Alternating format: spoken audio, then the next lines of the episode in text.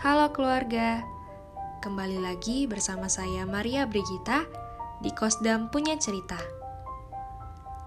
Pada podcast kali ini, kita akan membahas mengenai kemerdekaan. Untuk itu, selamat mendengarkan.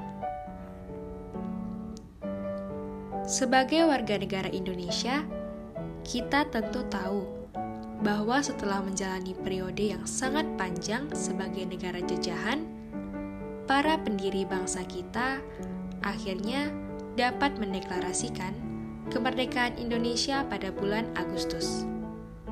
Sehingga bulan Agustus menjadi bulan yang cukup identik dengan kata kemerdekaan. Sebagai manusia, siapa sih yang tidak suka dengan kebebasan? Baik kebebasan untuk memilih dan menentukan setiap detail dalam kehidupan kita, maupun dalam hal mengekspresikan diri. Itu merupakan suatu bentuk kemerdekaan yang diberikan oleh Tuhan sejak awal mula penciptaan manusia. Tetapi perlu kita ingat bahwa tidak hanya kemerdekaan semata saja yang diberikan oleh Tuhan melainkan kita juga dibekali dengan akal budi dan kebijaksanaan untuk mengaplikasikan hadiah Tuhan tersebut. Mengapa kita membutuhkan kebijaksanaan dalam setiap langkah kehidupan yang kita ambil?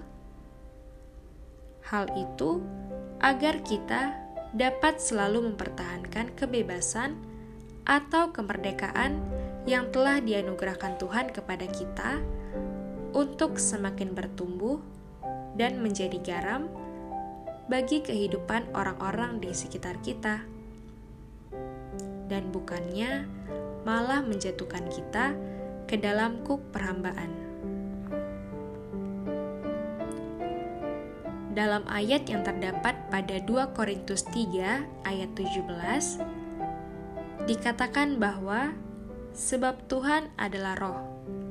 Dan di mana ada roh Allah, di situ ada kemerdekaan.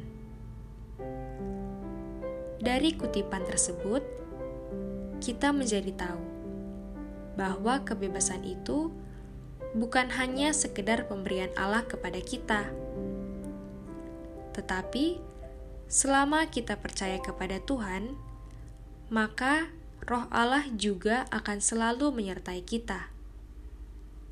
Dengan begitu, kemerdekaan pun akan berada dalam diri kita. Menggabungkan kebebasan, akal budi, dan kebijaksanaan yang telah dihadiahkan Tuhan kepada kita, maka kita dapat menjadikan diri kita sebagai suatu alat untuk mewartakan cinta kasih Tuhan kepada setiap orang yang kita jumpai dalam kehidupan kita. Seperti yang telah dikatakan tadi, bahwa sebagai anak Allah, kita sekiranya dapat menjadi cerminan sebagaimana besar cinta kasih Tuhan kepada manusia kita telah mendapat tugas perutusan dari Yesus sendiri. Dan sebagai manusia merdeka, maka kita juga memiliki suatu bentuk tugas dan tanggung jawab untuk menghadirkan pembebasan yang juga telah dihadiahkan oleh Tuhan kepada kita. Pembebasan itu dapat kita wujudkan dalam sikap menghargai sesama, melawan segala bentuk penindasan dan diskriminasi yang terjadi di sekitar kita. Kita, sebagai manusia biasa, tentu tidak bisa menjalankan semuanya itu hanya dengan mengandalkan kemampuan kita sendiri. Kita tetap memerlukan tuntunan Roh Kudus dalam melakukan setiap hal dalam kehidupan kita. Manusia diberi kemerdekaan untuk berbuat. Manusia berhak atas segala tindakannya. Manusia harus tumbuh dalam kematangan, dalam kebenaran dan kebaikan, karena kemerdekaan. Kemerdekaan manusia akan mencapai kesempurnaan bila terarah kepada Allah. Kemerdekaan akan mewarnai perbuatannya sehingga sungguh manusiawi. Karena Tuhan telah menjadikan manusia bertanggung jawab atas segala perbuatannya yang dikerjakan dengan kehendak bebasnya. Kemerdekaan yang dialami manusia tidak dapat lepas dari pihak lain. Kemerdekaan bukan berarti bisa berbuat seenaknya. Manusia harus memperhatikan unsur-unsur lain dalam hidup bersama, terutama harus selalu mengarah kepada yang ilahi. Terkhusus di bulan kemerdekaan ini, kita sebagai umat Katolik yang berjiwa nasionalisme bisa mengisi kemerdekaan dengan rela melakukan hal-hal yang baik, seperti membangun persaudaraan, bukan mencerai beraikan, menghormati sesama, bukan merendahkan, mengasihi sesama, dan bukan menyingkirkan orang lain karena berbeda suku, agama, ras, dan golongan.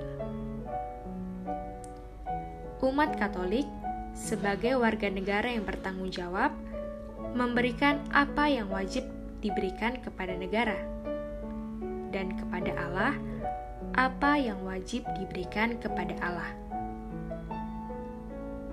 Spiritualitas 100% Katolik dan 100% Indonesia memiliki relevansinya dalam mencapai tujuan negara Indonesia.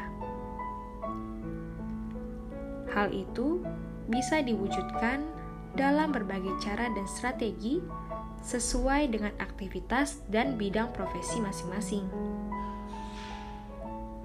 Kontribusi itu bisa secara pribadi dan juga melalui kelompok, organisasi, atau komunitas.